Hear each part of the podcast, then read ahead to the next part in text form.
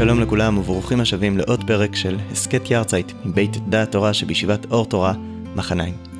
היום יום פטירתו של רבי יוסף רוזין, הלא הוא הרוגוצ'ובר, הרוגוצ'ובי, או איך שלא נקרא לו. מדובר בתלמיד חכם עצום, שהיה ידוע במסתוריות ובמורכבות שלו, ואני שמח מאוד לארח היום את רבי ישראל אורי מייטליס. תמיד כיף לארח מישהו ככה שלומד בישיבה, ורבי ישראל אורי הוא בכולל של הישיבה. ובנוסף, יש לו דוקטורט, אותו הוא כתב על הלמדנות הפילוסופית של רבי ישראל רוזין.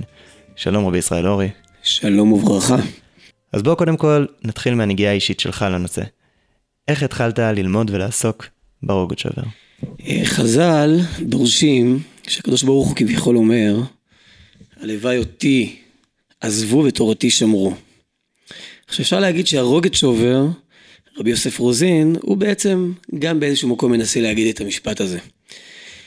אה, באיזה מובן? כן, הרוגת הוא דמות מאוד פיקנטית, אה, די להסתכל על התמונה שלו, כן, מי שראה את התמונה שלו, שערות ארוכות, אה, דמות מאוד מעניינת, יש המון כל מיני שנינויות המצוטטות בשמו, אוהבים להזכיר את גאונותו ואת הזיכרון הפנומנלי שלו של כל התורה ואת היצירתיות שלו, אבל היית מצפה דמות כזאת נערצת שמדברים עליה, זה יבוא לידי ביטוי שגם התורה שלה יהיה בה עיסוק רב, היא תשפיע בצורה מאוד ניכרת על הדורות שבאו אחריו, על הלמדנות, על ההלכה, ואנחנו לא מוצאים לזה כמו שאנחנו מצפים למצוא את זה. זאת אומרת, לא הרבה אנשים התעסקו אה, יותר מדי עם התורה שלו, בצורה מאוד נרחבת, אבל מי שכן עשה את זה, שהוא כן את תורתו שמר, לקח, פיתח בצורה מאוד משמעותית ומקורית, זה הרבי מלובביץ',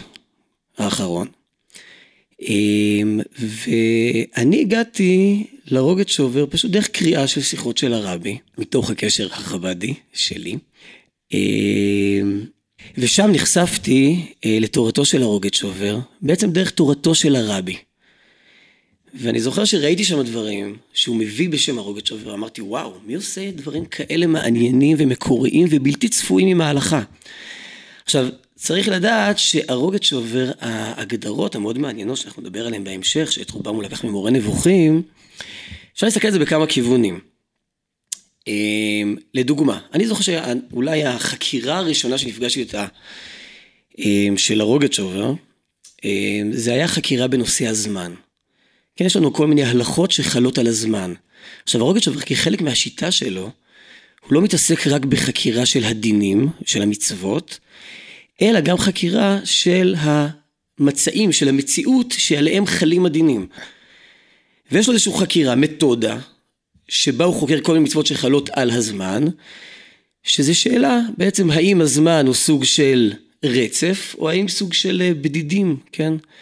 המקור של זה זה כמובן השאלה על האטומיזם של הזמן שמופיע במורה נבוכים, א' ע"ג, אה, הקדמה שלישית, אה, שבה הרמב"ם חולק על המדברים שסוברים שיש אטומיזם של הזמן, וסובר כדעת אריסטו שהזמן הוא סוג של רצף. את השאלה הזאתי, על ההסתכלות על הזמן, בעצם שואל הרוגת שעובר אל עולם ההלכה, וככה חוקר אה, כל מיני אה, שאלות הקשורות בזה. עכשיו, אפשר להסתכל על זה בצורה מאוד מינימליסטית, לבוא להגיד, טוב, יש פה איזשהו ניתוח אנליטי, יעיל של הדברים, אבל מי שנחשף לדברים האלה, דרך התורה של הרבי, כפי שאני נחשפתי אליה, זה ישר פותח לו פתח למקומות הרבה יותר אה, גדולים, נרחבים, קיומיים, כי הרבי ישר לוקח כל מיני שאלות כאלה, והוא לא מסתפק באיזשהו, להסתכל על זה כמאיזשהו מין חקירה למדנית אה, אה, מינימליסטית שרק באה להגדיר לנו את הדין, אלא בצורה הרבה יותר רחבה, הוא לוקח את זה לכל מיני מקומות קיומיים ומיסטיים וחסידיים וכדומה.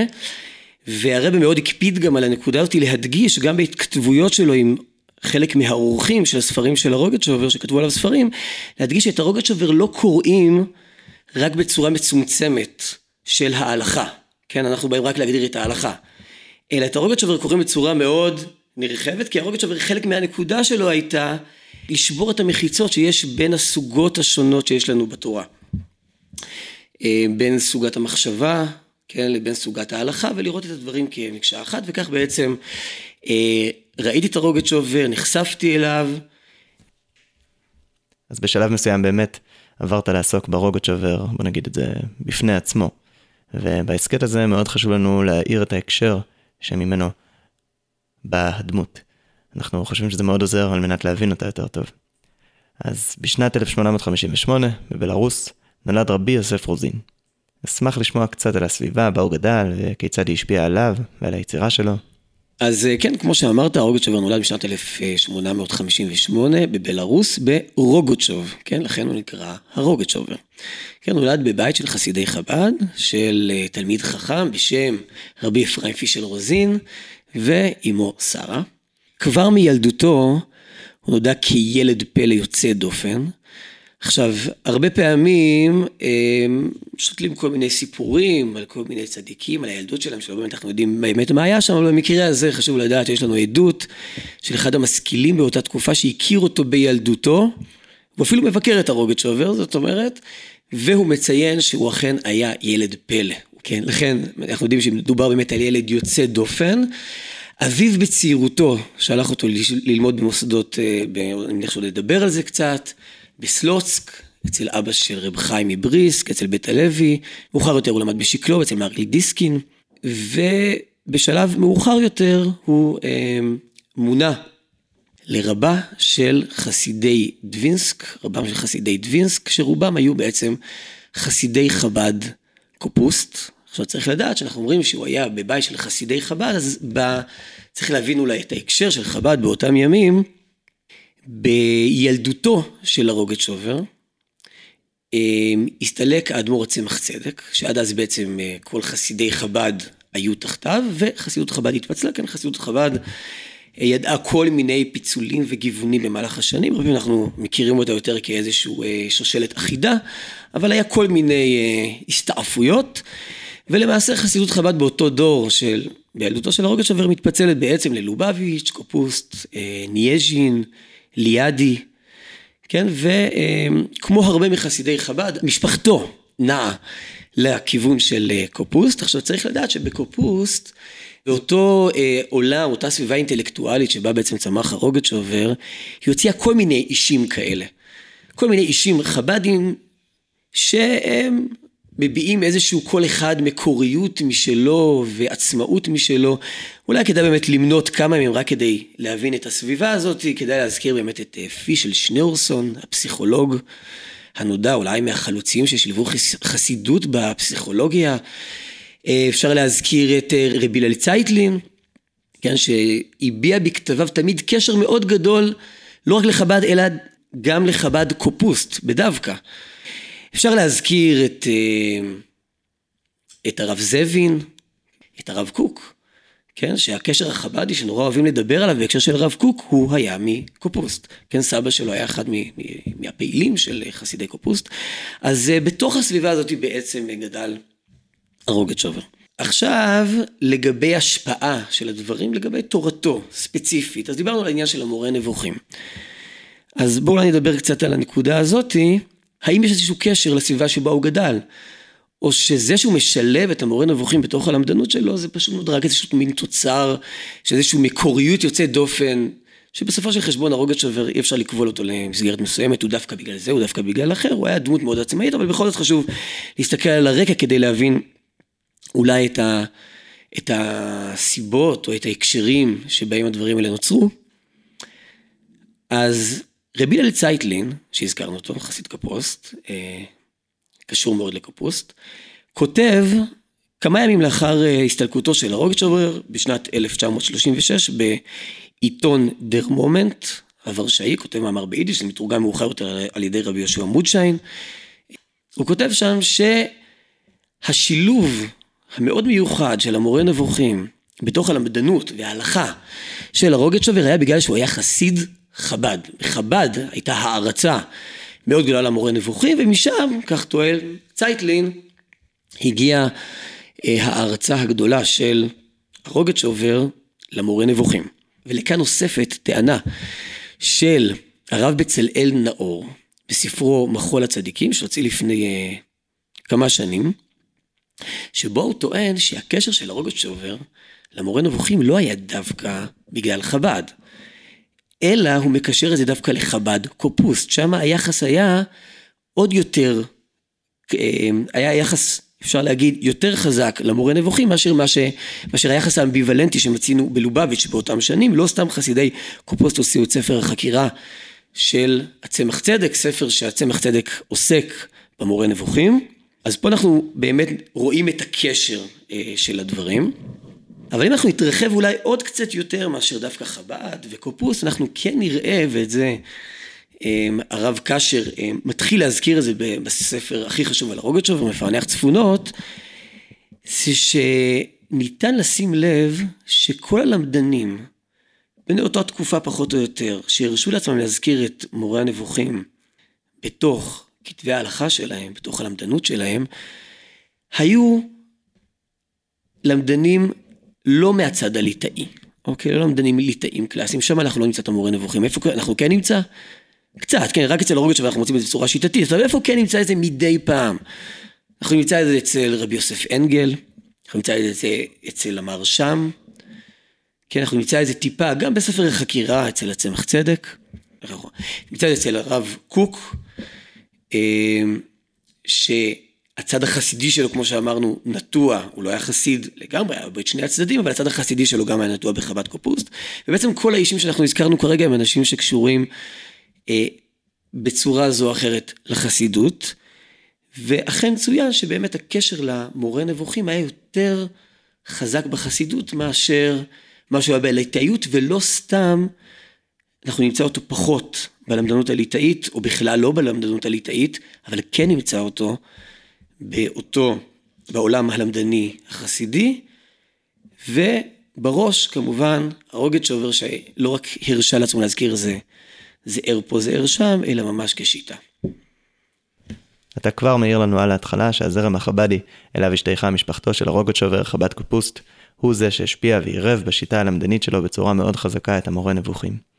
קצת לפני שנשמע יותר איך זה עובד, או מה זה עושה ומה כל כך מיוחד בזה, בוא נחזור טיפה אחורה לאותו שלב שהוא מגיע לסלוצק כדי ללמוד אצל הרב יוסף דוב סולובייצ'יק, אביו של רב חיים. שווה אולי להשוות בין הדמויות כדי להפנים את הייחודיות של הרוגוצ'ובר שממש היווה אלטרנטיבה ללמדנות שעברה ועדיין עוברת בשושלת בריסק. טוב, אז באמת להשוות בין רב חיים אה, לרוגוצ'ובר, דבר ראשון לפני שמדברים על ההבדלים ביניהם, אז uh, כדאי לדבר על ה... אולי על הדמיון ביניהם, כי דיברו הרבה דווקא על הדמיון ביניהם, כן? שניהם בעצם הועמדו במחקר התורני וה... והאקדמאי כחלק ממה שנקרא דרך ההבנה, כן? שיטת הלימוד ה... אה, בישיבות ליטא בדרך כלל מקובל אה, להגיד שזה התחיל איפשהו שם, בסוף המאה ה-19, ושרב חיים הוא מייצגה העיקרי, כן, דרך לימוד, ניסו לאפיין אותה בכל מיני צורות, על ידי הניתוח האנליטי של המושגים התלמודיים וההלכתיים, שימוש בקטגוריות מופשטות, ועל ידי כך חתירה להגדרה ולהמשגה של יסודות הדין. עכשיו, זה ששמים אותם תחת קורת, קורת גג אחת, ניסו לבאר את זה בכמה צורות. כן? יש כאלה שאתם יודעים, זה ש... אמ,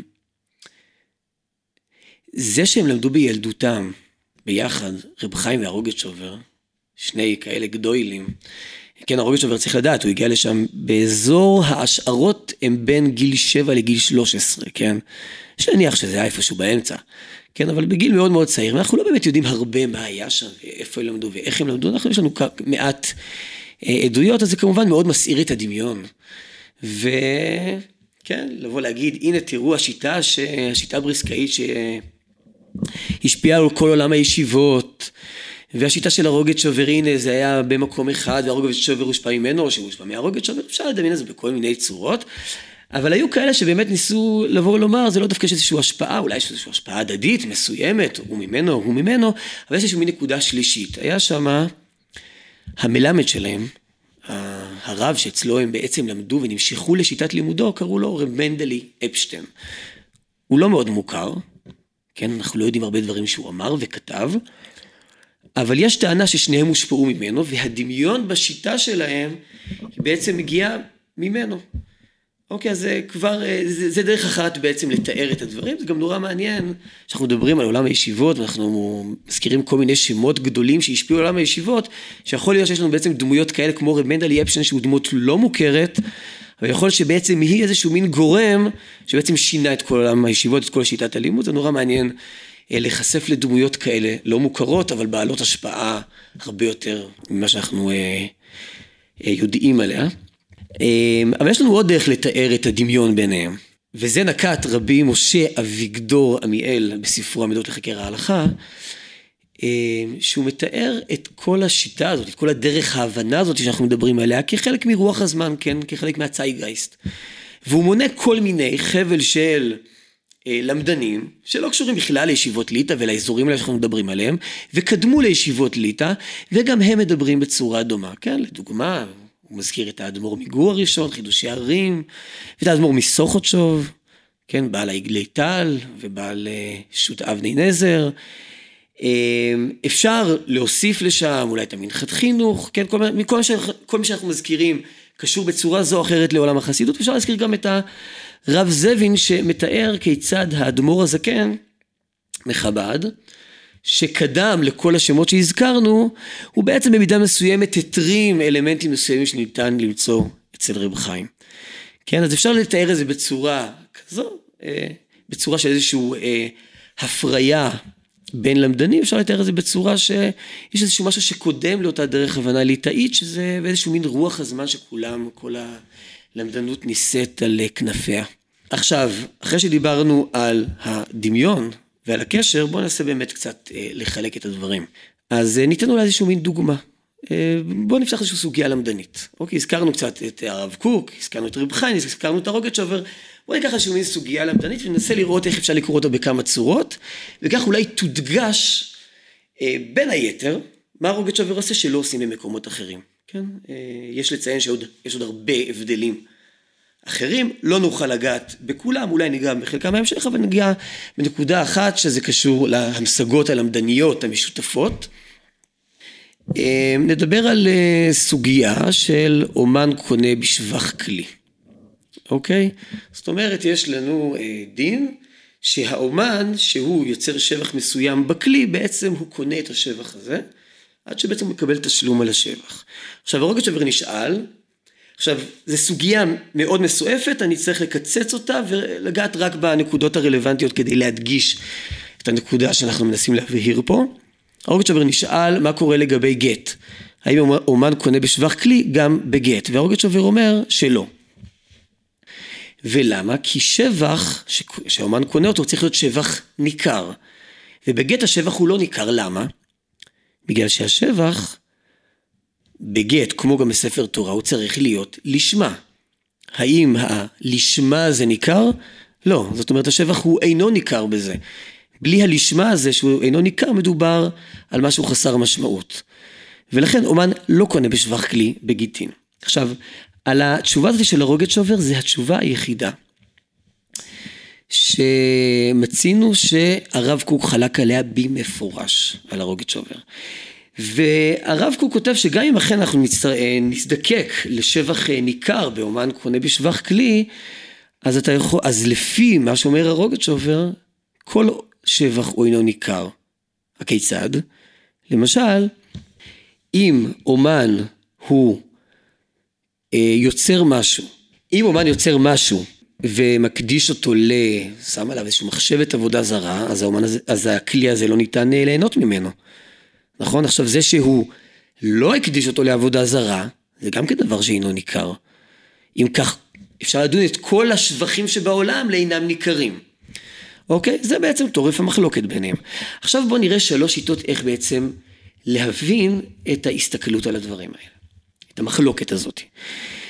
כן, אז לפי דרך ההבנה הקלאסית, אם נשתמש בעולם המונחים שלה, אז נוכל לומר שלא דומה סילוק של מחשבה חיובית, כן, שבלעדיה השבח בכלל לא נוצר, כמו בספר תורה ובגט, לבין הוספה של מחשבה שלילית, כן?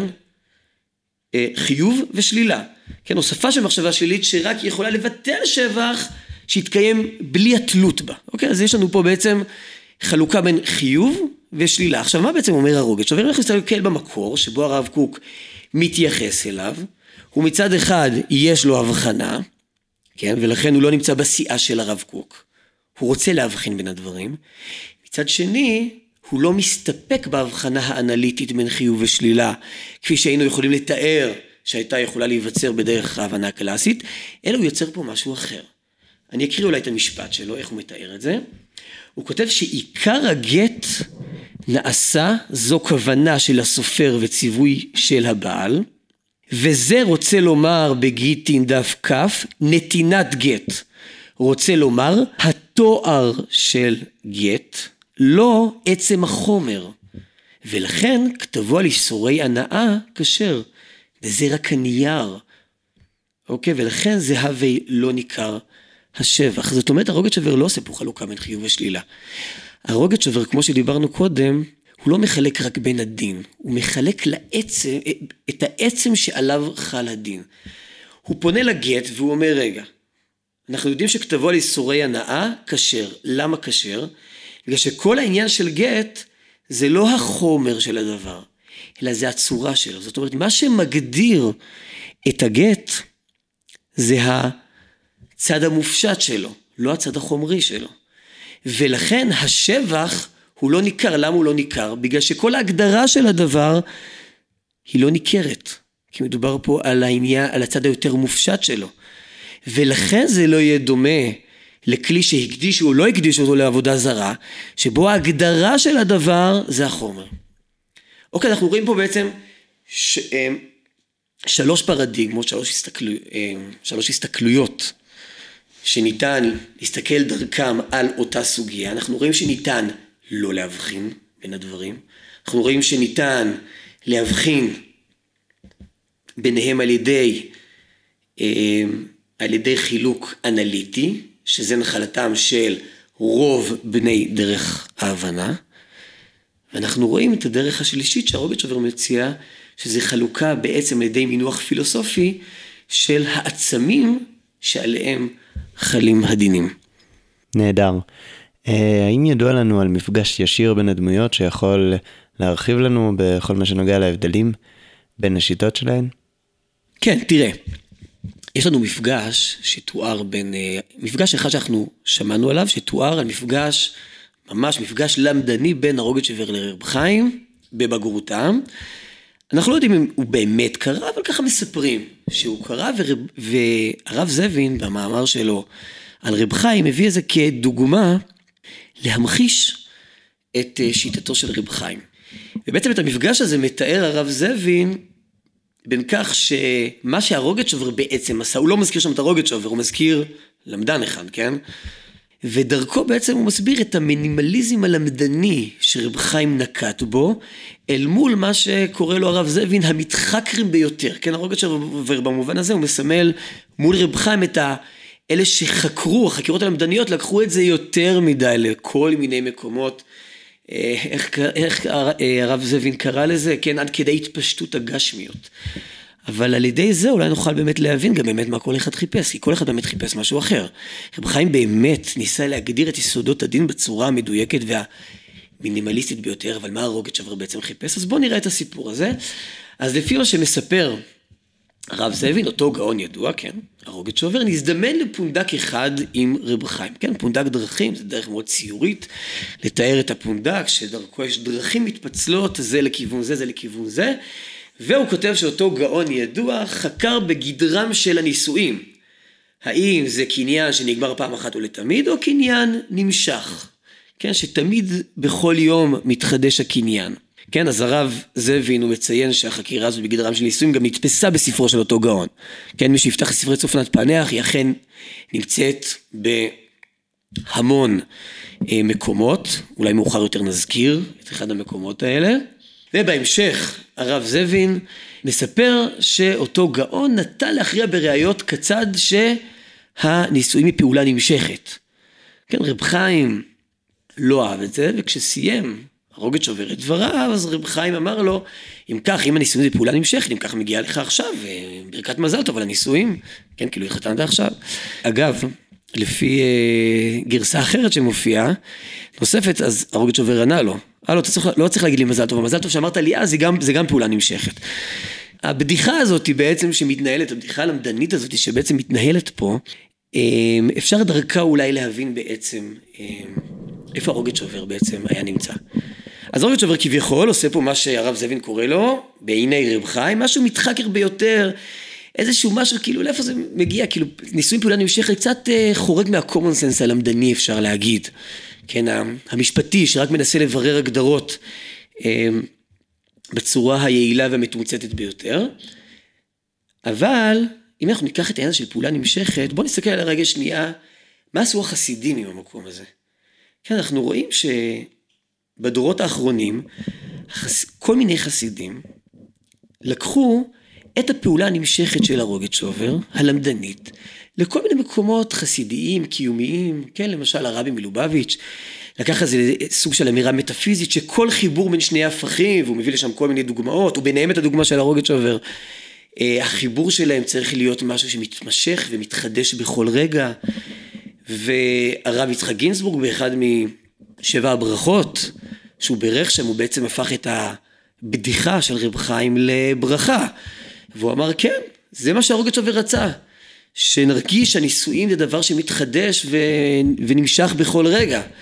זאת אומרת, המקום הזה, העודפות הזאת של החקירה הלמדנית, בעצם החסידים חיפשו את אותה העודפות כדי להגיע לכל מיני מחוזות חסידיים וקבליים ומיסטיים וקיומיים ולעבוד איתם ולקחת את הלמדנות בדיוק למקומות האלה. עכשיו, גם אצל הרוגצ'ובר בעצמו, זה נראה שהוא באמת פנה לכיוונים האלה, איפה אנחנו רואים את זה? הוא גם לא עשה מהלכים כאלה בפעולה הנמשכת של ניסוי, אבל הוא כן עשה מהלכים מעין אלו בפעולה הנמשכת של דין ההקדש, שגם אותו הוא אמר שזה פעולה נמשכת.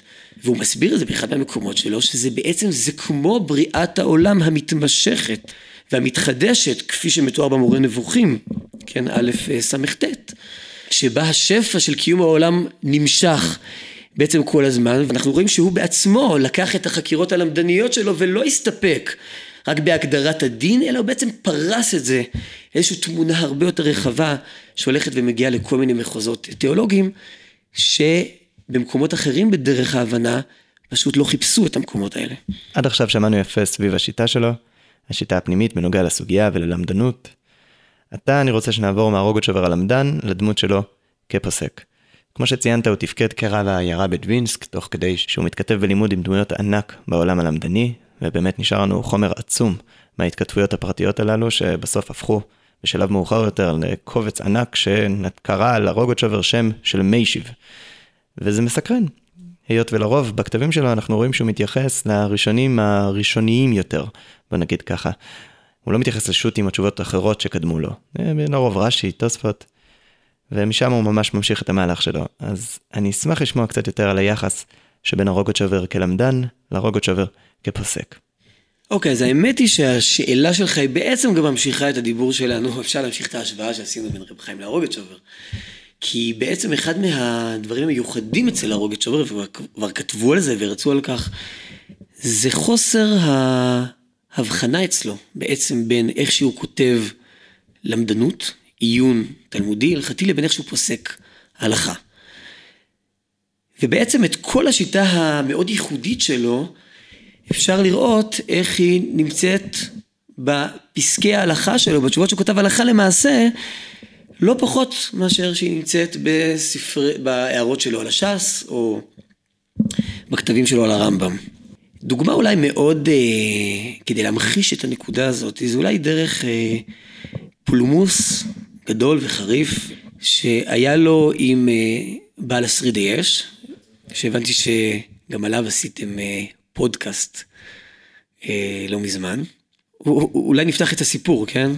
היה פעם שלושה אחים. אחד היה רב, אחד היה מומר, ואחד היה כופר, קומוניסט. עכשיו, נכון, זה נשמע כמו איזושהי התחלה של איזושהי בדיחה, נכון? אבל האמת שזה ממש לא בדיחה, זה סיפור אה, מאוד טרגי ולא פשוט. שמי שעמד במוקד של הסיפור הזה, זו הייתה הבת של הרוגת שובר, שהתחתנה עם הרב ציטרון, רבה של פתח תקווה, וכשהוא נפטר ולא היו להם ילדים, אז היא עמדה לפני ייבום, לפני שני אחים שלו. אחד כופר, קומוניסט מרוסיה, לא היה ניתן להשיג ממנו חליצה, והשני היה מומר מגרמניה. והיות שלא ניתן היה להשיג מן הכופר את החליצה, נשאלה שאלה האם ניתן לתת לה את החליצה מידי המומר, שאנחנו יודעים שמבחינה הלכתית הדברים אה, לא לגמרי פשוטים, לא ניכנס לעובי הסוגיה הזו. והרוגת שובר פסק שאין שום בעיה עם זה, ולעומתו, מי שהיה אז בגרמניה באותם ימים, בעל השרידי אש, הרב ויינברג, הוא פסק שלא, לא ניתן לקבל חליצה מן המומר, אה, וכשמסתכלים בהתכתבות ביניהם דרך הרב הילדסיימר, ההתכתבות נעשתה דרכו, אז אנחנו רואים שבעצם הרוגת שובר, הרב ויינברג, עיקר הטענות שלו מול הרוגת שובר היה שהוא לא מתחשב בפוסקי ההלכה המקובלים. והרוגת שובר, לעומתו, אכן פסק מתוך המקורות הראשוניים, דהיינו מן הש"ס והראשונים, והוא אכן באמת לא נתן דין וחשבון לכל האחרונים, כמו החתן סופר, שהרב ויינברג פשוט אומר, יש פה סמכות הלכתית שאנחנו צריכים ללכת אחריה. האמת היא שרוב הפוסקים נטו לדעתו של הרוגת שובר, חייבים לציין את זה. אבל הם נתנו דין וחשבון למה שהרב ויינברג העלה, שלדעתו, לפי הפוסקים המאוחרים, לא ניתן לבצע את החליצה הזו. אבל הרוגת שובר בכלל לא, מוכר, לא רואה את עצמו שבכלל צריך לתת דין וחשבון לאותם פוסקים מאוחרים. והרב ויינברג, בחלק מההתכתבות הזאת, כותב אף שהגאון מדווינסק שיחיה העריך בדברי פלפול וכתב בתוך דבריו לבקש מהבית דין שלא ילקטו מהנמושות כדי להגן חס ושלום בחינם בלא דבר אז הרוגצ'ובר בתגובה למשפט הזה כותב משפט שאני חושב שהוא משפט מאוד יסודי בלהבין מה בעצם הרוגצ'ובר עושה כשהוא כותב פסק הלכה אגב המשפט הזה יצא לאור מכתב יד ממש רק לפני כמה חודשים בשו"ת צפנת פענח חלק ה' שיצא ממש לאחרונה, וכותב על כך הרוגת שובר. אני לא כתבתי פלפול, רק גדרי הדין. עכשיו מי שמסתכל על מה שכותב הרוגת שובר, גם המכתב הזה שהוא כותב אני לא כתבתי פלפול וגם המכתב שלפני כן, הוא רואה שהוא מכניס את כל היסודות המיוחדים שיש בלמדנות שלו. כן? כל הפלפולים, כל מה שמאפיין את הייחודיות של הפלפול שלו. אנחנו רואים שכשהוא בא לדון בשינוי שעובר המומר, בשאלה אם הוא יכול לחלוץ או לא לחלוץ, הוא מנתח אותו על פי המונחים חומר וצורה.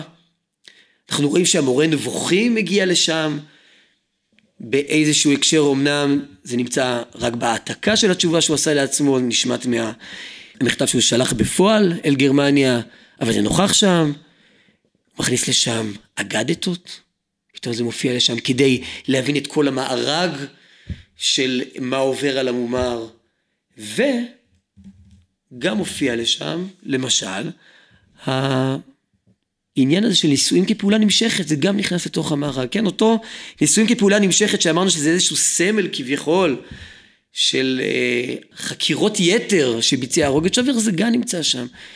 זאת אומרת, בתוך פסקי ההלכה שהרוגת שובר מנסה לשחרר את ביתו מעגינותה, דהיינו הכי הלכה למעשה, הוא הכי לא בא לדרוש, הוא הכי לא בא לתת אה, שעשועי תורה, הוא הכי לא בא לפלפל, הוא באמת רק בא לתת את גדרי הדין כדי לשחרר את ביתו מהגינותה, אנחנו רואים שהוא עושה זה בדיוק באותה צורה, עם אותם מקורות, עם אותה מתודה, כמו שהוא כותב את כל הרעיונות הלמדניים הכי וירטואוזיים שהוא מביא בספרים שלו על הרמב"ם ובשאר כתביו. מהצד השני, אפשר לראות שאת אותו דבר הוא עושה לא רק בשאלות כאלה גדולות, השאלות הכי קריטיות כמו שהבאנו עכשיו, אלא גם בשאלה פשוטה יחסית באורח חיים, כן? אנחנו יכולים עכשיו לראות שבשנת תרפ"ז, 1927, אז הרוגת שביר נשאל כמה ימים לפני תשעה באב, שאלה די פשוטה, האם מי שחייב לאכול בתשעה באב,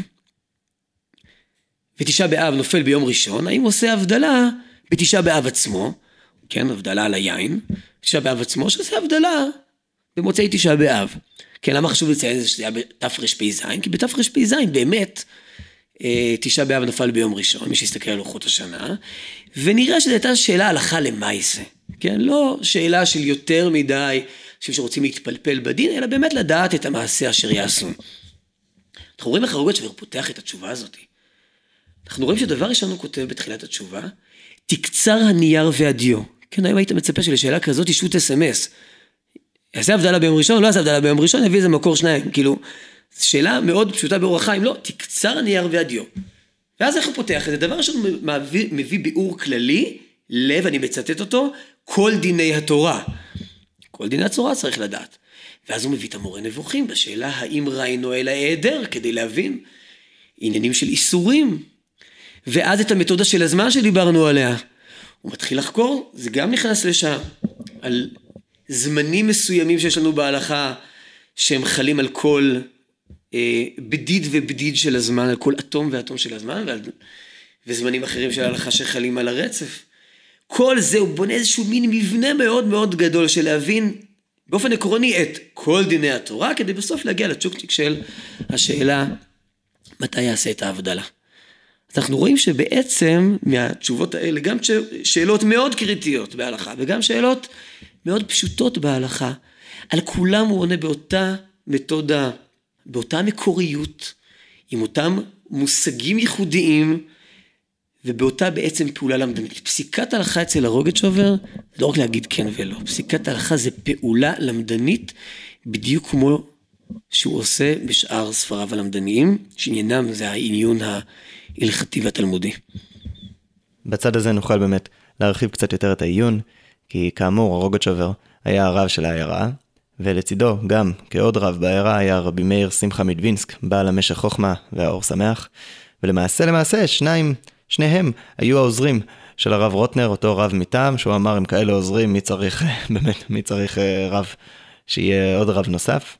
ומי שרוצה, יש מאמר של הרב מיכאל אברהם מאוד מעניין, שהוא משווה בין שתי הדמויות הללו ואיך שהם תפקדו, כל אחת בדרכה שלה.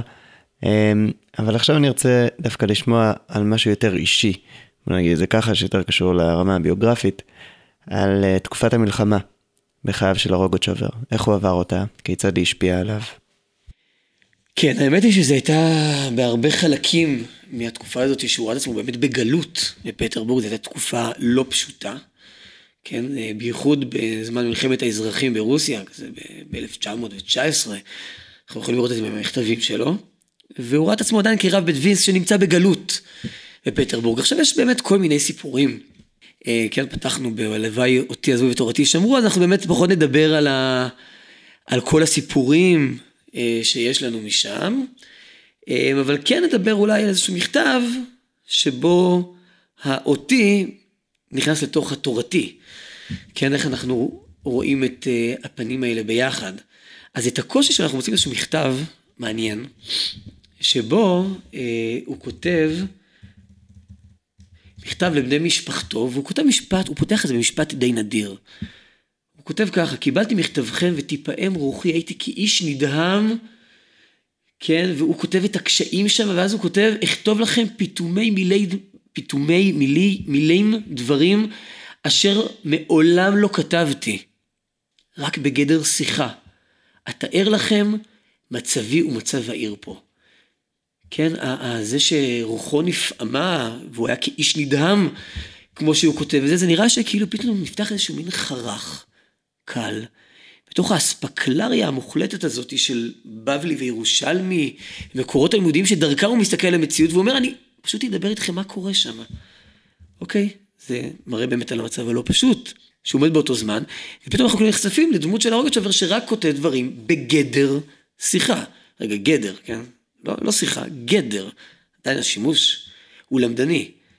ואז אחרי שהוא טיפה מתאר את זה פה, עדיין הוא פתאום הולך וחוזר, חוזר מהר מאוד לתוך הפרדיגמה שלו, התלמודית. הוא ממשיך להסתכל על כל דבר, גם במצב הזה, גם בגדר שיחה, הכל דרך הש"ס, הכל דרך חז"ל.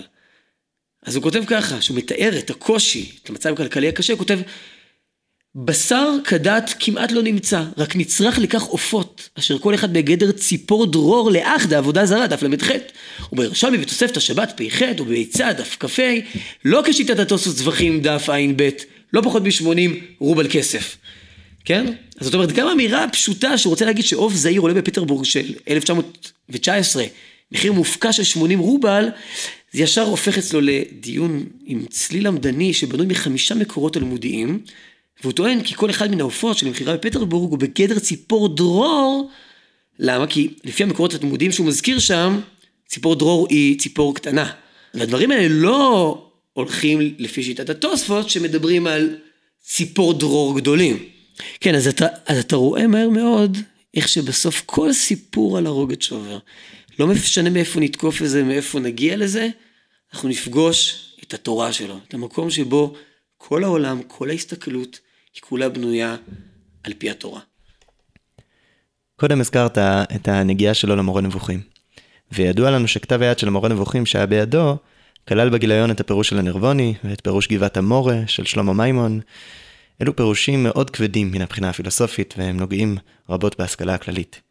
ראיתי פעם אצל יאיר בורחוב שהבאת לי את הספר שלו על הרוגוצ'ובר, נקרא את ההסכת, שהוא הביא כקרויוז, זה היה במאמר אחר אני חושב, ששאלו את הרוגוצ'ובר אם הוא קורא עיתונים, והוא ענה בעברית אני לא קורא, אבל ברוסית אני קורא, פגיעתם פחות מזיקה. אז uh, תוכל לפרט לנו אולי על הנגיעה שלו לעולם ההשכלה הכללי? כי הכלים היו בידיו כבר. כן, אז האמת היא שפעם שמעתי מהרב שטיינזלץ אה, עדות שהוא שמע ממישהו ששמע מהנכד של הרוגצ'ובר. שפעם שאלו אותו, האם סבא שלך, שאלו כך את הנכד, אה, למד ספרות החיצונית לתורה? אז הוא אמר לו, אני לא יודע, אבל אני כן יודע שפעם הוא אמר שלא היה חידוש אמיתי בפילוסופיה מאז כאן. זאת אומרת, הרוגצ'ובר, ודאי היה לו מגע עם המקום הזה, וודאי הוא גם הכיר את זה, איך אנחנו יודעים שהוא הכיר את זה? כמו שאמרת, הוא למד גבעת המורה. הוא הגיב לגבעת המורה, הוא הגיב לנרבוני, כן, נרבוני שמאוד הושפע מאבן רושט, גבעת המורה, שמזכיר את גדולי הפילוסופים המודרניים אה, באותו הזמן ולפני כן. אה, אז ודאי שהוא הכיר, ודאי שהיה לו מגע, רוב המגע ודאי היה מגע למדני. זאת אומרת, כדי להבין את דמותו, אוריצ'ובר ראה את הכל דרך המשקפיים של התורה. כל סוגיה תהיה באשר היא סוגיה יומיומית, סוגיה פילוסופית, כל סוגיה הוא הגיב לה דרך איזשהו מאמר חז"ל, דרך איזשהו אה, עיקרון תורני. וכך הוא עשה גם כשהוא פגש את אה, כל אותם רעיונות פילוסופיים, ממש סופרמרקט, מי שבאמת קורא את אותו מהדורה, כמו שציינת, סופרמרקט של רעיונות פילוסופיים מימי הביניים ועד העת החדשה. הרוגצ'ובר מגיב אליהם, ואנחנו אכן רואים שבכמה מקומות הוא בהחלט מגיב לכל מיני הגיונות פילוסופיים שעולים שם, כל מיני רעיונות, בצורה לא תמיד עם אה, הפניה, כמו שהוא רגיל לעשות, למקורות אה, תלמודיים, אלא כן, הוא מתפלמס עם, עם מימון למשל בשאלה קטנה שקשורה, או לא קטנה, שקשורה בפילוסופיה של המתמטיקה, והוא מגיב לנרבוני בכל מיני שאלות על חידוש העולם, שהיה עיסוק מאוד מאוד משמעותי בימי הביניים. כל זה ללא הפניות. אבל באמת העיקר שבאמת היה שם, בא, עיקר העניין שאנחנו מוצאים בתגובות לדברים האלו, זה היה דרך מקורות תלמודיים. כן, אנחנו יכולים באמת לראות איך הוא לוקח רעיונות, למשל, שנרבוני מביא הגדרה של אבן רוש לאינסוף. אז הרוגת שובר דרך אותה הגדרה מנסח לנו איזשהו עיקרון הלכתי בשאלה של אה, נזיר שמשון, שהוא נזיר כביכול עד אינסוף, כן?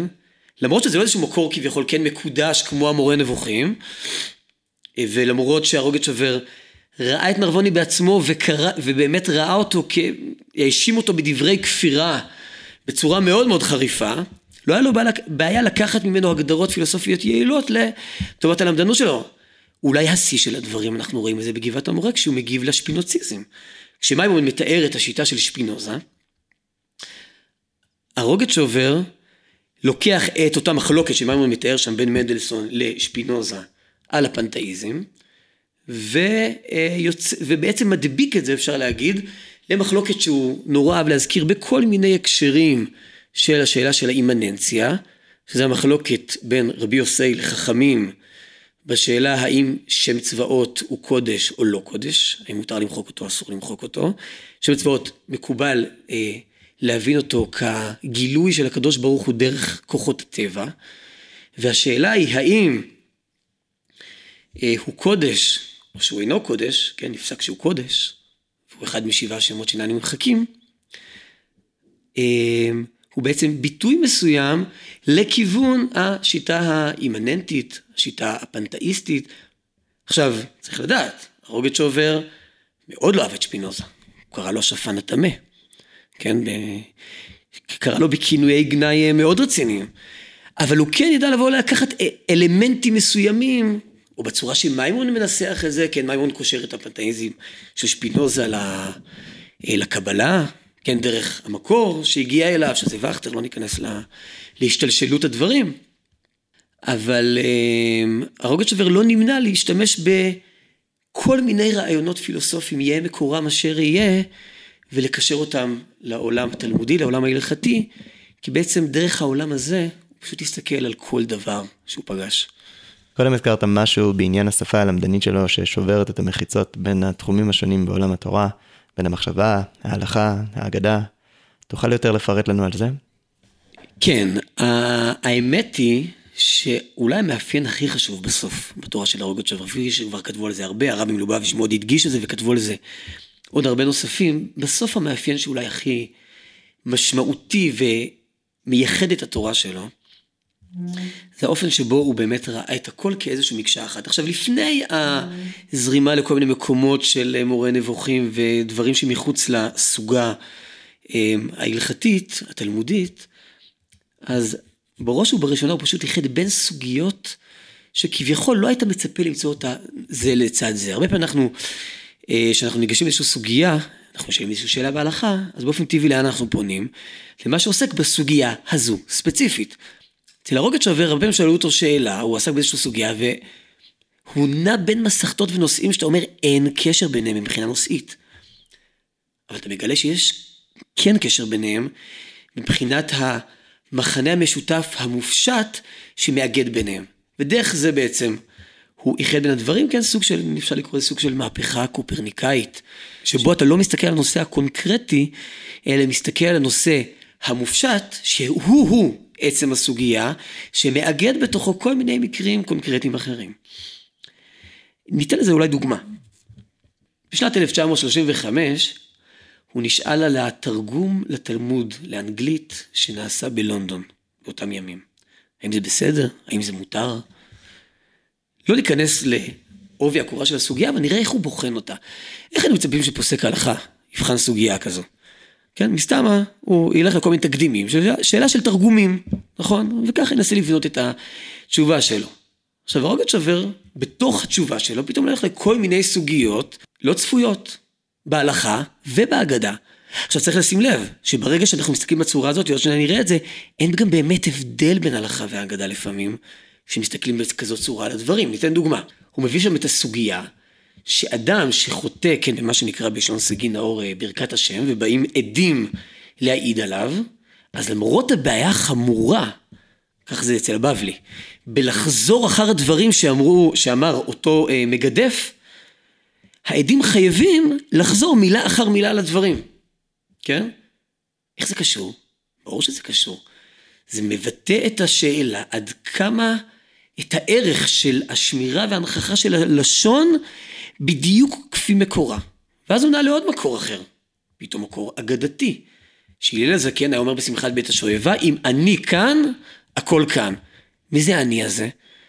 אז לפי רש"י, שלא כמו בעלי התוספות, אם אני הכוונה היא השם, אז למה הוא לא אומר אם השם כאן אז הכל כאן?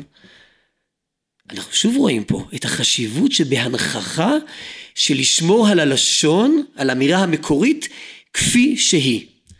עכשיו יש פה איזשהו שילוב של הלכה ואגדה, נכון? אז אנחנו ישר מתרשמים, או יפה, הלכה ואגדה ביחד, אנחנו אוהבים את השילובים האלה, ואנחנו שמים לב, כמו שאמרתי קודם, שאני בעצם לוקח עיקרון מופשט ומאחד ודרכו מאגד הרבה סוגיות, אין באמת הבדל מאוד גדול בין ההלכה בסוגיית העדות שדיברנו עליה קודם, לבין ההגדה של הלל הזקן.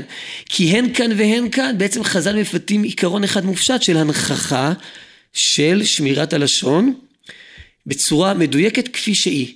על פי זה, ועוד הרבה הרבה סוגיות, מי שרוצה להסתכל שם, הוא בעצם בונה את השאלה הלכה למעשה. מה, איך נכון להגיב לתרגום התלמוד לאנגלית? שאלה שהייתה מאוד אקטואלית באותו זמן. דיברנו הרבה על המפעל שלו, ועתה אני ארצה לדבר קצת על התפיסה שלו, נגיד, בציבור. גם בחייו הוא זכה לתהילה רבה. המראה שלו, השערות הפרועות הללו, שיש מחלוקת אם זה היה משום שנדר נדר נזירות, או משום שהוא חשב שתספור את זה ביטל תוירה. כל זה שיבה לו מראה שהפך אותו לידוע אפילו בקרב הגויים, שהיו באים לראות את הדמות של החכם המופלא הזה, והעיתונות היהודית בעולם הפיצה את שמעו והפיצה מדבריו. יש סיפור שביאליק בא להקדים את פניו, וכשהוא יצא מהמפגש הוא אמר, מהשכל שלו אפשר לחצוב שני איינשטיינים. כל זה בקשר לדמות שלו, ששוב, כבר בחייו, היא זכתה להכרה רבה. אבל בכל מה שנוגע לתורה שלו, התורה שלו מורכבת, גדושה, קשה ללמוד אותה, היא לא בדיוק התקבלה. והייתי רוצה לשמוע ממך, האם ראוי לחזור ולעסוק בו, ומה יהיה שם, ואני מניח שהתשובה שלך כנראה תהיה כן, אז אני רוצה גם שתגיד לנו כיצד כדאי לעשות את זה, איך לעשות את זה. אז בוודאי שראוי להיכנס לתורה שלו, פתחנו את הדברים במדרש שלו, הלוואי אותי עזבו ותורתי שמרו. כי הרוגת שובר באמת ידע מאוד להעריך את התורה שלו, ואתה רואה את זה. שהכתבים שלו מאוד מאוד חשובים לו, והוא רואה שהם באמת הולכים להעיר ולהגיד דברים שאוזן לא שמעתה מעולם, והם הכרחיים ונצרכים להלכה ולמדענות ולהבנת הרמב"ם וכדומה. אה, ונראה לי שבאמת בתקופה האחרונה יש איזשהו סוג של רנסאנס בהוצאת הכתבים של הרוגצ'ובר וממילא גם בלימוד תורתו. יש לנו אז יש לנו למשל בשנים האחרונות יצאו חמישה כרכים של שוב צופנת פענח החדשות על ידי הרב אברהם ישעיהו בירנהק שעושה עבודה יוצאת דופן גם במציאת כל מיני כתבים וכתבי יד שלא נתפסו עדיין ומוציא אל האור אה, כל מיני אה, הערות שלו על כל מיני דברים ומכתבים והעבודה של אה, צופנת על הש"ס שנעשית על ידי מכון המאור אה, שמדי פעם מוציאים כרכים של זה גם כן מבואר. ויש לנו ספרי פירושים לצופנת פענח על הרמב"ם, למשל על ידי הרב אברהם בן שמעון, אה, ויש לנו שיעורים ש... שמוציא הרב בנימין ביטון. כן, וכל זה, כל מה שתיארנו עכשיו, זה חלק מאיזשהו רנסנס שקורה בשנים האחרונות כהמשך לאותו ניסיון של הנגשת תורתו על ידי אה, הרב קשר. עכשיו, איך באמת אה, ניגשים לתורה שלו? איך לוקחים את המשימה המסובכת הזאת ומתחילים ללמוד ונכנסים בעצם לשיטה וללימוד של התורה? עכשיו, פרט שמאוד חשוב לדעת. לפי כל העדויות, הרוגת שובר היה מאוד בהיר בדיבור. כל מה שהוא לא בהיר, כל חוסר הבהירות של התורה שלו והקושי להבין אותה, זה מה שקורה בכתב. למה חשוב לדעת את הפרט, את הפרט הזה? כי לפעמים אנשים חושבים שהסיבה שנורא קשה להבין את הרוגת שובר, כי התורה שלו בעצמו היא קצת מעורפלת. שהתכנים שלה באמת קשה מאוד להבין אותם, אז אין מה להיכנס אליהם יותר מדי. אבל אם אתה מבין שבעל פה, לפי כל העדויות, הוא היה מאוד מאוד בהיר, אתה מבין שהתורה שלו היא מאוד בהירה. ולכן ראוי להיכנס לתורה שלו, לכתבים שלו, הלא בהירים, אבל לדעת שבתוך כל ים ההפנויות האלה מסתתרת תורה מאוד בהירה, שמאירה ובאמת מפענחת כל מיני צפונות שיש לנו בתורה, שזה בעצם הפרויקט שמה שהרוגת שברי ניסה לעשות, לפענח את כל אותן צפונות. והדרך להיכנס לזה, למשל, לקחת את אחד מספרי הפירושים, ספר הפירושים על הלכות שבת שלו, שהוציא הרב בן שמעון, שיצא בהוצאת מוסד הרב קוק בזמנו, אמ, להתחיל לומדים איזשהו רמב"ם, לראות מה רוגת שובר אומר את זה, עם הפענוחים שיש שם. עכשיו זה דברים נקודתיים, אבל מי שרוצה להיכנס לאותה שיטה, אותה שיטה שהיא פרדיגמה חדשה בפני עצמה, שהיא מפתחת דרך איך להסתכל על הדברים, הספר הכי טוב להיכנס אליו זה הספר של הרב מנחם מדל כשר, מפענח צפונות, הזכרנו אותו כמדומני קודם לכן, ששם הרב כשר בעצם מחלק את הדברים לפי המושגים שהרוגת שובר עובד איתם, על פי הרעיונות המופשטים, ויש מפתח מאוד יעיל לעבוד איתו. כשנכנסים דרך שם, אז לוקחים לא רק רעיון זה או אחר של הרוגת שובר, אלא לוקחים שיטה. דרך נוספת אגב, שבה פתחתי איך אני הגעתי לרוגת שובר, דרך השיחות של הרבי מלובביץ', שהשיחות שלו מאוד מאוד בהירות, ודרכם אפשר לקחת כל מיני שורות של הרוגת שובר, שיכולות לעמוד בפני עצמם כאיזה משהו, לפעמים שלא תמיד מבינים מה נכון לעשות עם זה בהקשר הרחב, ומשם בעצם לפתוח את הדברים לכל מיני מחוזות נוספים. זאת אומרת, להסתכל לא רק על החידוש של הרוגת שובר שמתבהר שם, אלא גם לראות מה ניתן לעשות עם החידוש של הרוגת שובר, לאילו אופקים החידוש הזה בעצם פונה. עכשיו, ברגע שנפתחים לכל העולם הזה, אז בעצם נפתחים לפרדיגמה חדשה שניתן להכיל אותה על כל אה, לימוד התורה. ויותר מזה, גם אם לא תמיד ניתן לקחת רעיון מהרוגת שובר, כן, עומדים סוגיה מסוימת לבוא להגיד, רגע, מה הרוגת שובר אומר על זה? אוקיי, לא מצאתי מה הרוגת שובר אומר על זה, ואני גם לא תמיד יודע איך לקחת משהו מהראש של הרוגת שובר אה, ומהרעיונות שלו ולחדש כמו הרוגת שובר באותה סוגיה. יש איזשהו מין אור מקיף, שברגע שאתה נחשף למה הרוגת שובר עושים סוגיות, עם כל מיני פרטי סוגיות, פרטי מחלוקות, קטנות בהלכה, איך כל מחלוקת כזאת היא קטנה בהלכה הופך אותה ל... חקירה שכוללת בתוכה עולם ומלואו מבחינה תיאולוגית וכל מיני בחינות אה, מחשבתיות, אז יש את האור המקיף הזה שאתה מתחיל ללמוד כל מיני סוגיות, ולפעמים נראות לך קצת קטנות, לא תמיד מאירות. אתה יודע שיש איזה מישהו שאם הוא היה פה עכשיו, יכול להיות שהוא היה יכול להאיר לך את הסוגיה הזאת בצורה יוצאת דופן, ולפרוס אותה, שהיא תגיע מאותו מקום קטן לאותם מקומות ואותם אופקים רחבים, ועצם הידיעה הזאת היא משנה את ההסתכלות על הסוגיה. שאלה אחרונה, מה היית רוצה שנאמץ לנו מהדמות של הרוגות שובר? כוונתי מלבד התורה שלו. טוב, אז דיברנו באמת על המקוריות המאוד גדולה של הרוגות שובר, על השיטה שלו, אה, על הגאונות יוצאת הדופן, על הכישרון, אבל בתוך כל זה אני רוצה לציין עוד איזושהי נקודה, ש... שאותה אני חושב שראוי לדעת, שלדעת בעצם על איזה מצע יושבת כל ה... על איזה מצע יושב כל אותו מעוף ש... של התורה של הרוגת שובר. המצע הזה, זו הייתה התמדה באמת יוצאת מגדר הרגיל. יש לנו עדות של הרב חיים זאב חרש, שהוא מספר שכשהרוגת שובר בערך היה בשנות החמישים, כשהרוגת שובר היה בשנות החמישים לחייו, משהו כזה, אז הוא מספר שהוא פעם פגש את הרוגת שובר ואמר לו, אמ, כמדומה לי שלמדתם ש"ס אה, מאה פעמים ואחת, כן, על פי דברי חז"ל, שאינו דומה שונה פרקו מאה פעמים לשונה פרקו אה, מאה ואחד. אז הוא מספר שהרוגוצ'ובר השיב לו, הוא אמר, מספר זה מילתא זוטרתא, 101. הוא אומר, המספר הקטן אצלי זה 300 פעמים. וכמה מסכתות למדתי? 500, 6, 7, 8 ו-900 פעמים. כי העניינים הקשים למד הרבה פעמים יותר. כך אמר לי הגאון הנ"ל זצ"ל בעצמו, ככה מספר הרב אה, חרש, כן? יש אולי לתאר שגם כשאנחנו מדברים על המאות האלה, שוב, שזה היה בשנות החמישים לחייו, אחרי זה הוא היה לו עוד עשרים ומשהו שנים להגדיל את התפוקה, וכנראה הוא מדבר, אני מניח, על בבלי וירושלמי, כן, לא דיברנו על הקשר המאוד חזק שלו לירושלמי אה, בכתבים שלו. אז הכמות הזאת של הלימוד, כן, זה מזכיר את ה...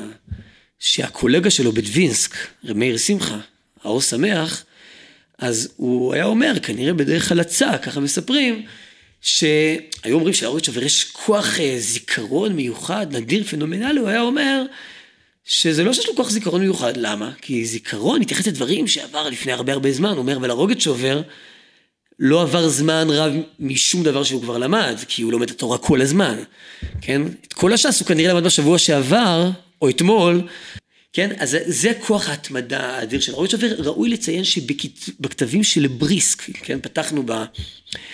בתקופת לימודו בסלוסק, כשהוא היה עוד, שהוא הגיע לשם כנראה לפני גיל בר מצווה, או כמה שנים לפני גיל בר מצווה. ושם יש עדות מרב חיים, כן? זה לא עדות מהכיוון של הרב שבר, עדות מרב חיים, שרב חיים אומר, אני בצעירותי לא הייתי כל כך שקדן. אני למדתי בערך 12 שעות. מי שכן היה שקדן באותו בית מדרש, זה היה רוגד שובר. הוא למד 18 שעות. אנחנו מדברים על ילד. וצריך לדעת את הפן הזה, כי בסוף על הפן הזה של ההתמדה נולדה כל אותה שיטה אה, נפלאה ומקורית ומדהימה, ואת הפן הזה של ההתמדה, אה, אני חושב שראוי, גם אם לא כל אחד יכול ללמוד 18 שעות ביום, לשאת את העיניים למקום הזה. יהי רצון, בעזרת השם, תודה רבה לך רבי ישראל אורי מייטליס, שמחנו מאוד לשמוע אותך ולארח אותך. תודה. תודה רבה.